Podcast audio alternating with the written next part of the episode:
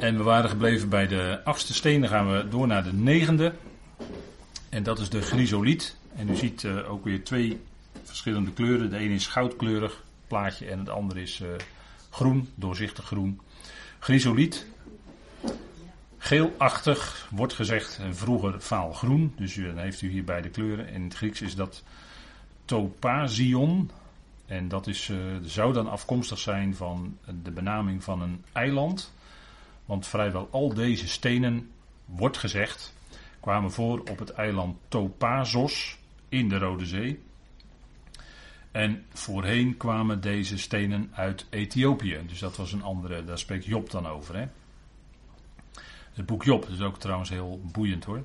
Maar goed, in het Grieks is dat dus topazion. Daar kennen we natuurlijk ons woord topaas van. En dat was mogelijk de tweede steen in de borstplaat van de hoge priester. Dus het waren vier rijen zoals u gezien heeft. En in totaal twaalf stenen. Dus deze steen kwam ook voor. En ook daar zien we weer iets van uh, goud-geelachtig. En uh, groen doorzichtig. Dus dat moet een, uh, ook alweer een kostbare steen zijn geweest. En als die geslepen is, dan wordt het natuurlijk nog mooier en glimt het mooier. En uh, ja, met een echte diamant, hè, want iemand vroeg naar het woord diamant. Maar met een echte diamant, hoe meer vlakjes een diamant heeft, hoe kostbaarder die is, hè, hoe meer die schittert. Maar dit is geen diamant. Diamant wordt niet genoemd. Maar dit is een chrysoliet, zoals het heet. Dus ook deze, heeft u even een indicatie van wat het zou kunnen zijn. Hè. Dat is. Uh, en dan nog een combinatie vaal, geel en groen. Dat is de chrysopraas. Daar zit ook weer het woord goud in, hè? Grus, gruzo. De chrysopraas. En dat was een uh, geel, geelachtig, groenachtige steen. En u ziet hier twee afbeeldingen, want als je gaat zoeken, dan kom je allerlei dingen tegen. En ik heb wat plaatjes uh, bijgezocht waarvan ik meende dat die het meest passend waren bij datgene wat ervan gezegd werd. En uh, ja, voor mij is dan toch uh, de, het commentaar van broeder nog natuurlijk toch uh, leidend, omdat hij daar ook onderzoek naar heeft gedaan. Maar goed, ook anderen die, uh, die dat gedaan hebben. Dus ook chrysopraas wordt genoemd. En dan hebben we de amethyst. En dat is een rood, doorschijnend rood, roodachtige, diepe rood. En dat is dan de elfde. Dus die is ook vertegenwoordigd in de fundamenten. En rood is in de Bijbel ook niet alleen de kleur van bloed, maar heeft ook te maken met uh, koningschap. Hè. Rood is ook, uh, als, je, als je echt felrood hebt, is dat een uh, kleur die naar je toe komt. Hè. Ze noemen dat dan een expanderende kleur. Dus een kleur die echt wil. wil ehm, is, rood, rood heeft ook te maken met macht willen hebben. Hè. Macht, rood. In tegenstelling tot groen. Groen is juist een hele rustige kleur. Veel, laten we zeggen, veel bescheidener, veel behoudender. Eh, rood is daarvan. En hier gaat het ook toe naar violet, hè, dus paarsachtig rood. Dat is in het Grieks hyacint. En dan tenslotte de laatste, dat is uh, violet. De kleur violet. En dat wordt in het Grieks genoemd uh, amethyst.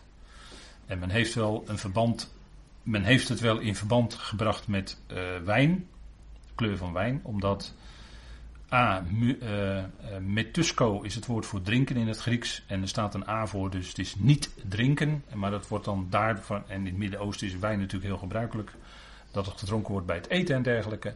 En daarom werd het in, verband gebracht met wijn. Maar goed, het is de, men zegt de kleur violet. Dus dat is even wat, Kleine korte toelichting erbij. En al deze kleurschakeringen, nou ja, dat, u heeft het gezien: groen, rood, blauw, azuurblauw, uh, geel, goudkleurig. Het zal natuurlijk een geweldig palet zijn als dat zichtbaar is in die nieuwe schepping als fundamenten van die stad. Hè. Dat moet natuurlijk heel bijzonder zijn wat je dan ziet. Hè, dat is allemaal nog uh, zoals uh, het in de Bijbel ook staat: de helft is dan nog niet aangezegd. Hè. De helft is nog niet aangezegd. Dat was in verband met Salomo, daar kom ik zo op, daarom zeg ik dat. Ik kom er zo op. Um, maar de Heer zei natuurlijk van zichzelf, te midden van zijn geslacht, meer dan Salomo is hier. Terwijl de koningin van Sheba, die bij Salomo kwam, die zei: De helft was mij nog niet aangezegd van wat ik nu zie. En zei de Heer van zichzelf: Meer dan Salomo is hier. En Salomo was natuurlijk op zichzelf ook een prachtig type van de heerschappij, de regering van Christus. Hè? En dat vertegenwoordigt natuurlijk ook hè, in het woord Salomo zit ook welzijn. Hè?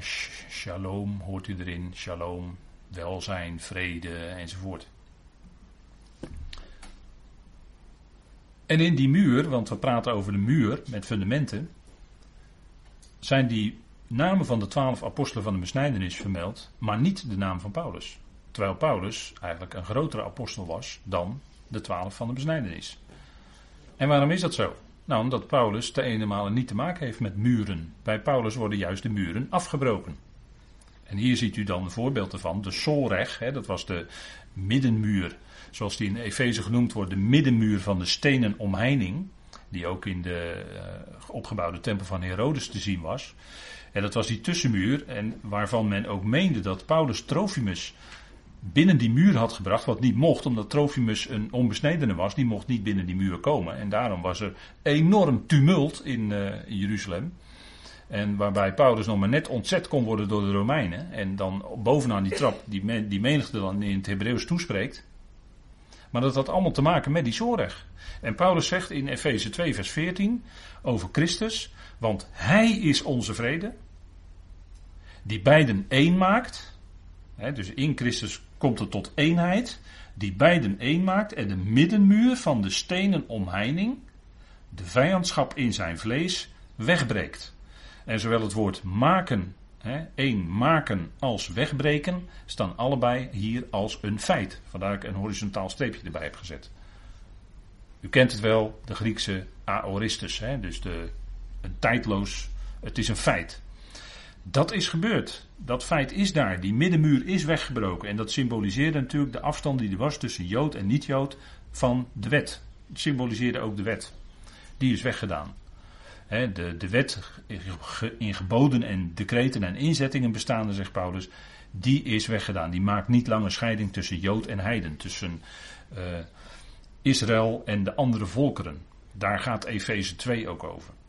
We weten niet of we eraan toekomen om dat nog te behandelen, maar als we eraan toekomen zullen we gaan zien dat dat een heel bijzonder gedeelte is, waarbij Paulus zegt dat in de geest, in Christus, die beiden één zijn gemaakt, en dat heeft alles te maken met het kruis.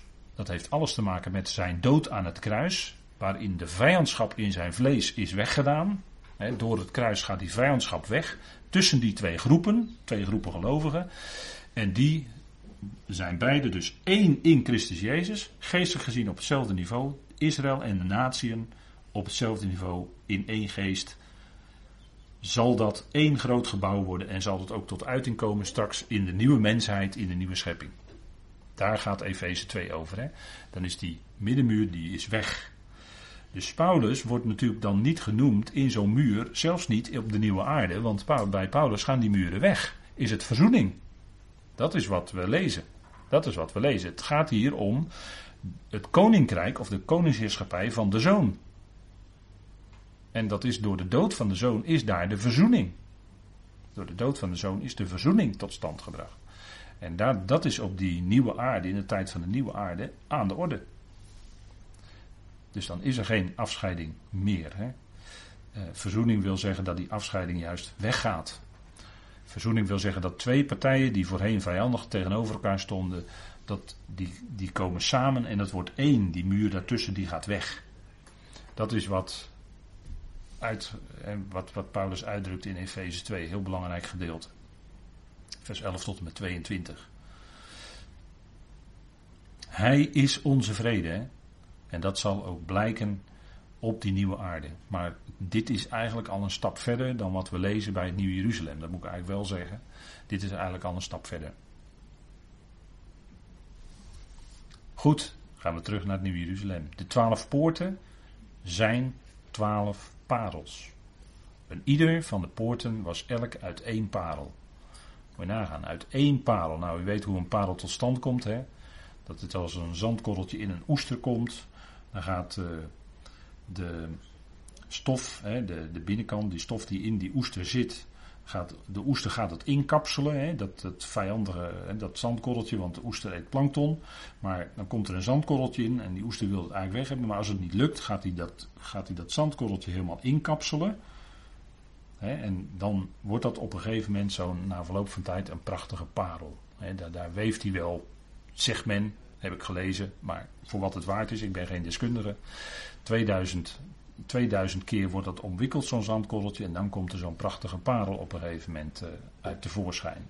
En lang niet alle oesters uh, bevatten zo'n parel natuurlijk. Hè. Uh, en mensen die daarmee gehandeld en die, die weten dat veel beter.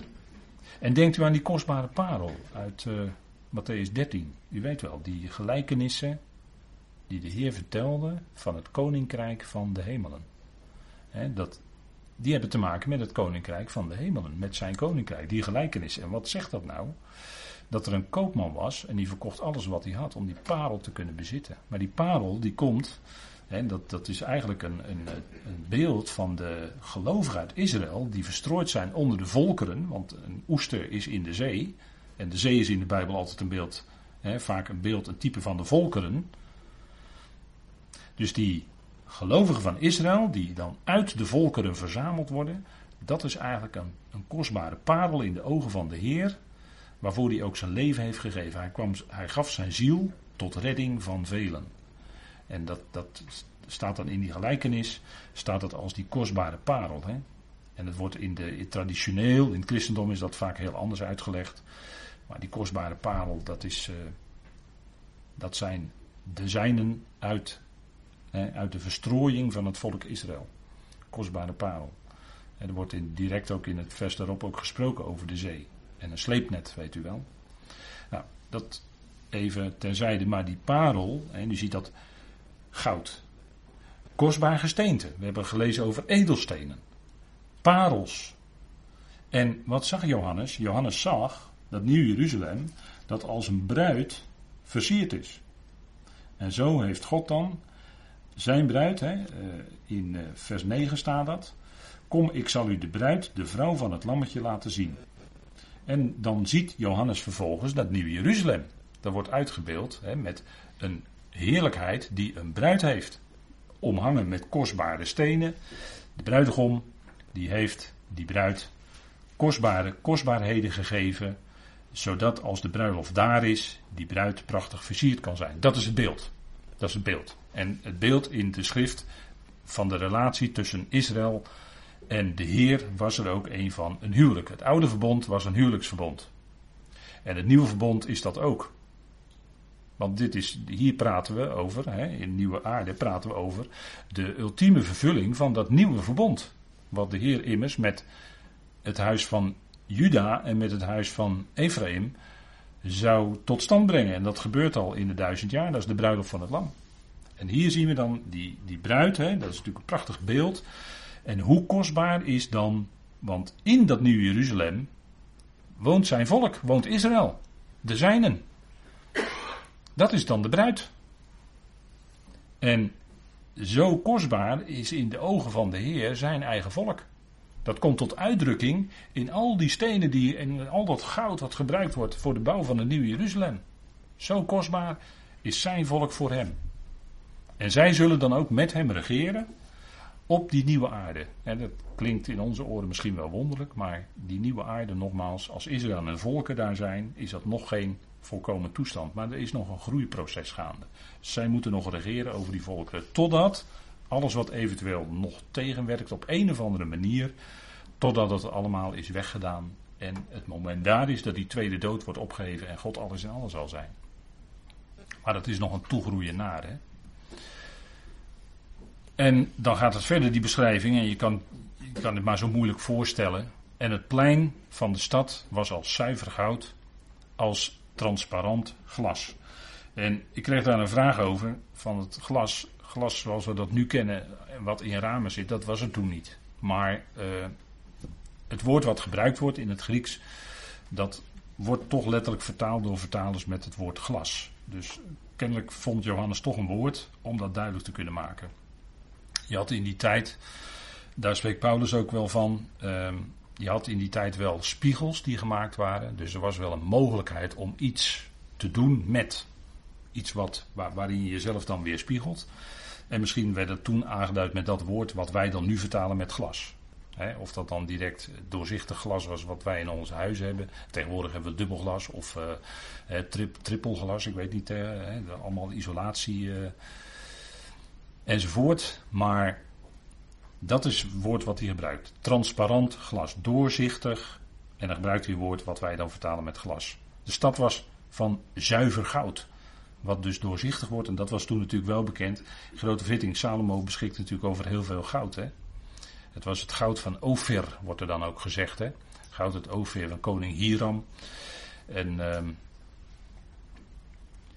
die wordt dan genoemd in verband met Salomo, want daar haalt hij de, eh, de, de, ceders, eh, de van de Libanon. Hè, die werden gebruikt voor de tempelbouw, de tempel van Salomo.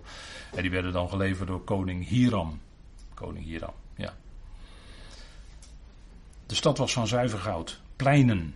Hè, uh, vaak is of in NBG staat misschien het woord straten, maar hier wordt echt het woord plateia gebruikt. En dan moet je toch denken aan een plein, aan een bepaalde ruimte.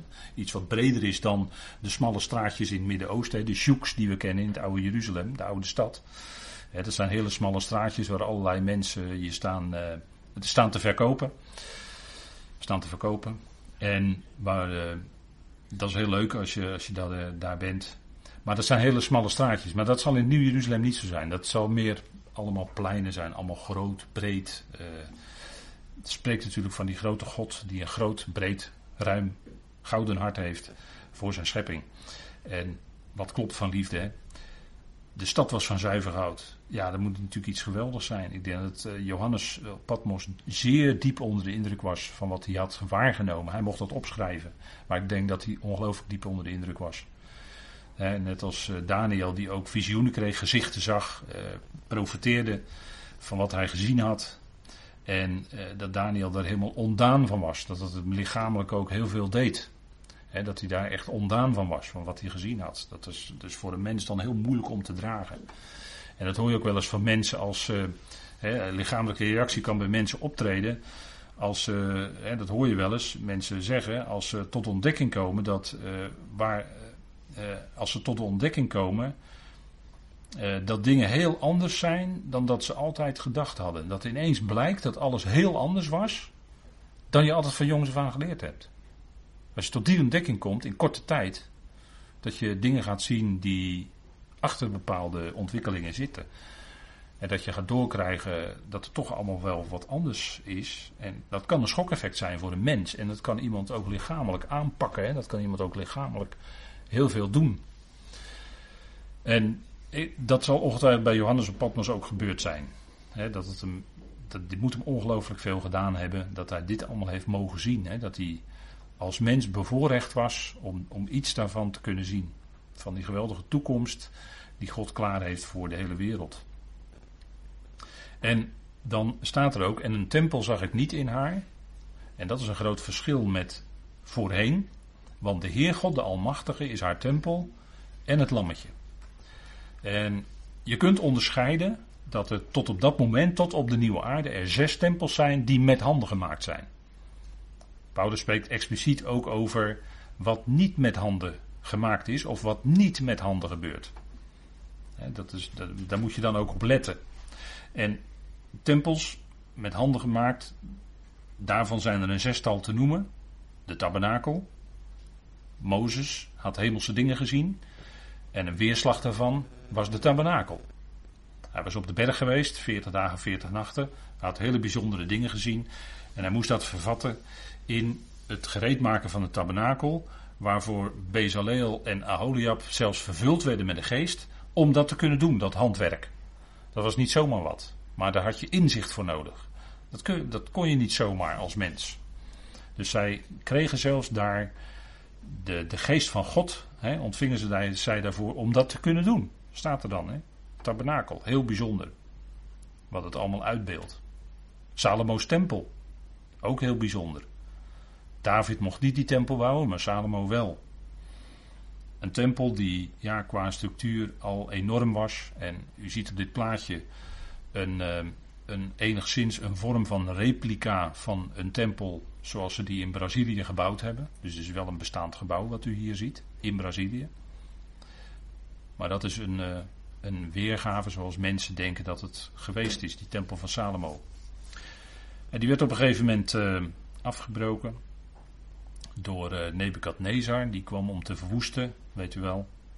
Waarvan veel profeten zeiden: nee, nee, Jeruzalem wordt niet verwoest, tempel wordt niet verwoest. Nee hoor. Er was één profeet die zei: gaat verwoest worden, was Jeremia. En die geloofden ze niet en die gooiden ze in de gevangenis. Maar wat Jeremia had gezegd, dat ging dus gebeuren. Jeruzalem werd wel verwoest. In weerwil van al die profeten die spraken naar de hart van de koning. En die zeiden tegen Zedekia: Nee, oh nee, het zal niet gebeuren. En Nebukadnezar kwam. Hij kwam, want het was aangekondigd. Jeruzalem werd verwoest. God had het gezegd. En dan is het volle ernst. Als hij het gezegd heeft, gaat het ook gebeuren. En het ging ook gebeuren onder Nebukadnezar. Daarna werd, uh, na de terugkeer, werd de tempel herbouwd onder Ezra. Je kunt erover lezen in het boek Ezra. Die werd weer gedeeltelijk afgebroken of uh, vernield. En onder Herodes werd die tempel, en uh, in de tijd van de Heer Jezus was het de Herodiaanse tempel, werd die weer opgebouwd en hij zei: breek deze tempel af en ik zal hem in drie dagen weer opbouwen. Nou, dat kon natuurlijk helemaal niet, zeiden de Joden tegen hem, want hier is 46 jaar over gebouwd. Staat in Johannes 2, vers 20. Hè? Er is 46 jaar over gebouwd onder Herodes, deze tempel. En nu zult hem in drie dagen afbreken en weer opbouwen? Of in drie dagen weer opbouwen? Ze begrepen niet dat hij van de tempel van zijn eigen lichaam sprak en van zijn opstanding. Dat was natuurlijk het punt. Hè? De tempel van Herodes is ook verwoest geworden in het jaar 70, toen Jeruzalem verwoest werd door generaal Titus door de Romeinen. dat waren inderdaad rare jongens, maar die braken dus ook die hele tempel af. En in de nabije toekomst zal een tempel van God weer opgericht worden in Israël. Paulus zegt in 2 Thessalonicense 2 dat de wetteloze, die zal zich in die tempel gaan zetten, die tempel van God die er zal komen in Jeruzalem. En die wetteloze zal zich in die tempel van God gaan zetten. En hij zal zich laten aanbidden als was hij een God. Zo zal het zijn. Hè? De, verheerlijk, de ultieme vergoddelijking en verheerlijking van de mens. En dat is waar de mens ook naartoe wil hè, in deze tijd. Men wil in deze tijd de mens veranderen en brengen op een hoger plan, hè, tussen aanhalingstekens, een hoger plan. En dat is wat, wat, men dus van plan is. En de culminering daarvan, hè, een hoogtepunt daarvan zal zijn als die wetteloze zich daadwerkelijk in die tempel van God zal gaan zetten. En dan zal de waarheid op de aarde gesmeten worden. God zal een krachtige dwaling sturen opdat zij de leugen geloven. Zegt Paulus allemaal hè, in 2 Thessalonians 2. En dat kan allemaal pas gebeuren als de weerhouder is weggenomen. De weerhouder is weggenomen. En onze overtuiging, mijn overtuiging, is dat dat de gemeente is, het lichaam van Christus. Als de weerhouder is weggenomen, dan zal de wetteloosheid zich in vliegende vaart voortzetten. Want dan is de weerhouder weg. Hè. Dat wat weerhoudt is dan uit het midden weggenomen, zegt Paulus daar. En dan zal die wetteloosheid enorm kunnen door. En dat is omdat de liefde verkilt. Hè. De Heer Jezus die zei ook, als de liefde verkilt, dan zal de wetteloosheid toenemen. En dat is wat we ook, denk ik, in onze dagen zien gebeuren. in polarisatie en noem alles maar op. Dan verkilt de liefde en de wetteloosheid neemt toe. We leven naar Matthäus 24. je ziet dat toch al om je heen, denk ik. We leven, eh, en het is als in de dagen van Noach. Men hobbelt gewoon rustig verder. Eten, drinken, huwen en ten huwelijk genomen worden enzovoort. Net als in de dagen van Noach. En ze verklaarden Noach natuurlijk voor een gek. Tegenwoordig hebben ze daar een ander woord voor. Het begint met een W, hè, geloof ik. Verklaarden ze voor gek dat hij die ark ging bouwen. Maar er, kwam natuurlijk een dag. Er kwam een dag. Er kwam een dag dat het ging regenen. Ze hadden hem voor gek verklaard. Tot op de dag dat het ging regenen. En toen bleek dat wat God gezegd had toch ging gebeuren. Noach was een gelovige. Hij geloofde God en in geloof bouwde hij die ark, zegt Hebreeën ook. Hè? Maar er kwam een dag dat het ging regenen en toen ging alles, alles behalve acht mensen. U kent de geschiedenis. En dat is natuurlijk in onze dagen is dat ook zo. We leven als in de dagen van Noach. En de mensen kunnen zeggen, ja, die Bijbel, en je kan, dat is jouw interpretatie, of dat is jouw mening daarover. Ja, dat zal allemaal best. God vervult zijn woord. En de twee dagen van Hosea zijn voorbij. Het is tijd. Het is tijd. Het is hoog tijd. En wij weten niet de dag of het uur, of de maand, of het jaar, weten we niet. Weet God. Maar we zitten er dichtbij. En dan zal, als al die verwikkelingen zijn geweest, die tempel van God, waarin de wetteloze zich zet, dat zal allemaal verwoest worden, want Jeruzalem zal nog een keer verwoest worden. Helaas, ik zeg dat echt niet, echt, dat vind ik helemaal niet fijn. Maar Jeruzalem zal nog een keer verwoest worden naar de profetieën. En dan zal hij er zijn. Dan zal de Heer komen. Om zijn volk te verlossen, precies op tijd. En dan zal er een geweldige tempel nog opgericht worden door mensen opnieuw. De tempel van Ezekiel. Ezekiel 40 tot 48. Uitgebreid beschreven door Ezekiel. Ook wel genoemd de profeet van de geest en de heerlijkheid. Ja, dat klopt, want in Ezekiel wordt uitgebreid beschreven hoe de geest van God zal komen, zijn volk wedergeboren zal worden. En die heerlijkheid van de Messias ook zal komen. Is weliswaar nog een, een, een heerlijkheid die niet volkomen is, maar toch heerlijkheid. En dan zal Israël weer aan de spits staan van de volkeren. En we hebben gezien, Gog en Magog, hè, wat dat inhoudt. Uh, naar alle waarschijnlijkheid, hè, dat het in het millennium zal gaan plaatsvinden. Die dingen allemaal, dat is allemaal wat nog gaat gebeuren. Hè. Maar er zal een geweldige tempel daar staan in Israël. Met enorme afmetingen, zoals die beschreven is. Er zal ook een offerdienst zijn. Als een onderwijzing achteraf van wat het offer van de Heer betekend heeft. En zo zullen zo zal dat hè, een millennium lang zijn, duizend jaar lang. En dan moet het ook plaatsmaken voor de nieuwe hemel en de nieuwe aarde met Nieuw Jeruzalem erop. Hè, dat is, uh, en dan zal de laatste tempel die met handen gemaakt is, mensenhandenwerk. Nee, hè. Blijkt. Alles wat dus met mensenhanden is opgebouwd, wordt weer afgebroken. En dan komt wat God zelf gemaakt heeft en dat is blijvend. Ziet u het verschil? Alles wat wij mensen met, met onze mensenhanden doen, dan kunnen we zeggen, nou, geweldig werk en dit en dat, tientallen jaren, dit en dat allemaal gedaan met mijn handen, dit en dat. Wel allemaal prachtig hoor, maar het gaat allemaal voorbij. En het wordt ook allemaal weer afgebroken. Het is allemaal prachtig. Misschien. Maar het gaat allemaal ook weer voorbij. En wat blijvend is, is wat God tot stand brengt, die nieuwe schepping. En daar mogen we geestelijk gezien al zelfs al deel van uitmaken in Christus Jezus. Een nieuwe schepping. En dat is blijvend. Dat gaat niet meer voorbij. Dat gaat niet meer weg. Waarom niet? Omdat het niet met mensenhanden is gemaakt, maar dat het door God zelf is gemaakt. We zijn zijn maaksel in Christus Jezus geschapen voor goede werken. Zijn maaksel dus. Hebben we zelf niet tot stand kunnen brengen. Die geest is van hem, van God. Is niet van onszelf. En dan is blijkt op die nieuwe aarde dat de Heere God zelf die tempel is. Dan is er geen tempel van mensenhanden meer nodig. Dan hij is zelf te midden van de mensen. Hè, dan tabernakelt hij te midden van de mensen. Dan is er geen afscheiding meer. Nee, dan kunnen ze hem direct benaderen. Een tijd van verzoening dus. God is direct benaderbaar in op die nieuwe aarde. En hij is de ware tempel, zou je kunnen zeggen. En het lammetje is natuurlijk het ware offer wat ooit gebracht is. Eens voor altijd is hij dat heeft hij dat gedaan wat nodig was. Was hij dat offer wat nodig was, wat gebracht moest worden, waarmee de zonde definitief weggedaan zal worden. Eens voor altijd, hè, zegt Paulus in Romeinen 6.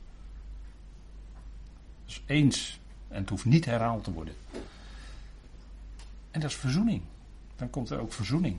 En dat zal, zich, dat zal gaan groeien. Hè, die tijd van verzoening zal doorgroeien naar de volkomenheid. De volkomenheid, ja. Dat is natuurlijk een geweldige iets, hè.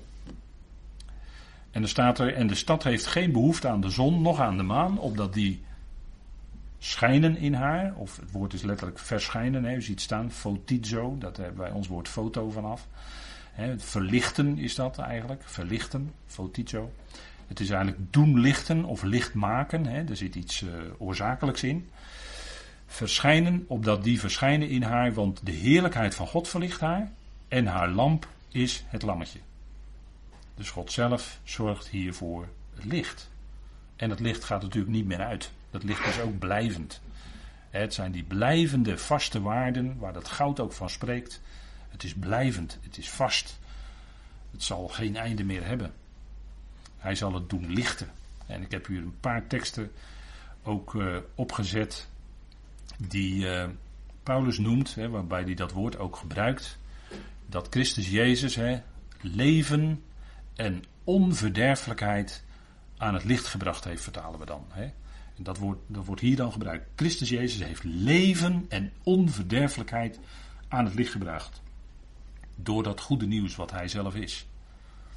En Efeze 1, vers 18, die bekende woorden, hè, dat we verlichte ogen van het hart hebben. Onze ogen van ons hart zijn verlicht geworden. Prachtige beeldspraak natuurlijk, maar van binnen is er bij ons licht geworden.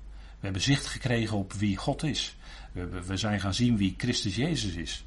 En in dat licht zijn we ook onszelf gaan zien. Genade, heerlijkheid, verlichting door zijn geest.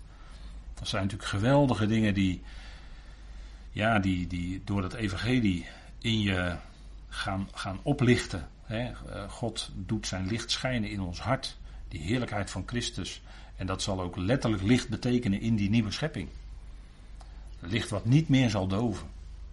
En is dat niet geweldig als we, als we deze dingen met elkaar overwegen in deze tijd van geestelijke duisternis? Dat, dat het licht van God in ons leven is. Dat hij dat licht in ons leven heeft aangedaan.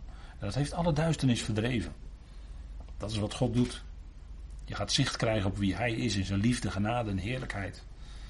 En, en dat zal in die, in die nieuwe schepping voorkomen zijn en doorgroeien totdat uiteindelijk God alles in alles is.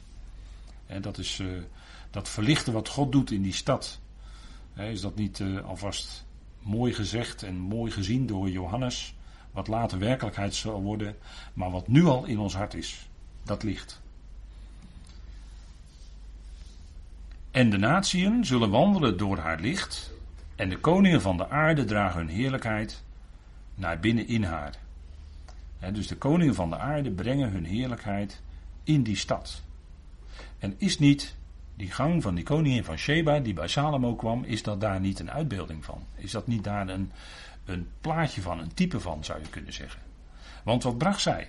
als je dat leest in, in Koningen, dan lees je over dat ze bracht specerijen, zeer veel, zoals er daarna nooit meer in Israël gebracht zijn, staat er ook bij. Hè?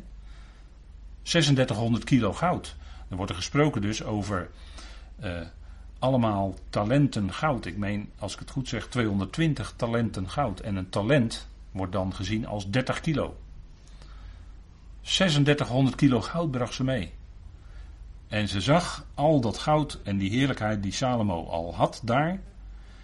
En toen zei ze van de helft was me nog niet aangezegd. En dat had natuurlijk ook te maken met die uh, wijsheid van Salomo. Hè? Want dat goud wat Salomo bezat was natuurlijk ook een uitbeelding van zijn wijsheid. Wijsheid, hè, een wijs iemand, is ook iemand die vast is. Die vast blijft bij datgene wat waar is. En die ook datgene wat waar is, daaruit leeft. Dan ben je een wijs mens. Daar spreekt het hele boek Spreuken natuurlijk over. Hè? Leef je bij die waarheid van God.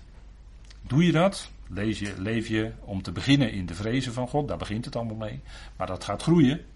En als je toeneemt in die, in, in die wijsheid van Gods woord, dan ga je dat woord van God ook, hè, dan gaat het ook leven in jouw leven. Dan gaat jouw leven zich ook daarna richten. Dan ben je een wijze. En, en een wijs iemand in deze tijd is ook iemand die zich niet langer laat meevoeren met allerlei wind van leer allerlei windrichtingen van leringen die er allemaal zijn. En er zijn zoveel leringen. Maar blijven bij wat er geschreven staat. Blijven bij die lijnen die de schrift zelf laat zien. Het gaat niet om wat mensen zeggen. Het gaat ook niet om wat ik zeg. Maar het gaat om wat die schrift zelf zegt. Gods woord zelf zegt. Daarbij blijven, dan ben je wijs. En dan zullen je, je dagen zullen ook in de rust zijn. Omdat je die rust hebt gevonden in die grote God die spreekt. God is per definitie een God die spreekt. Door zijn woord in je hart.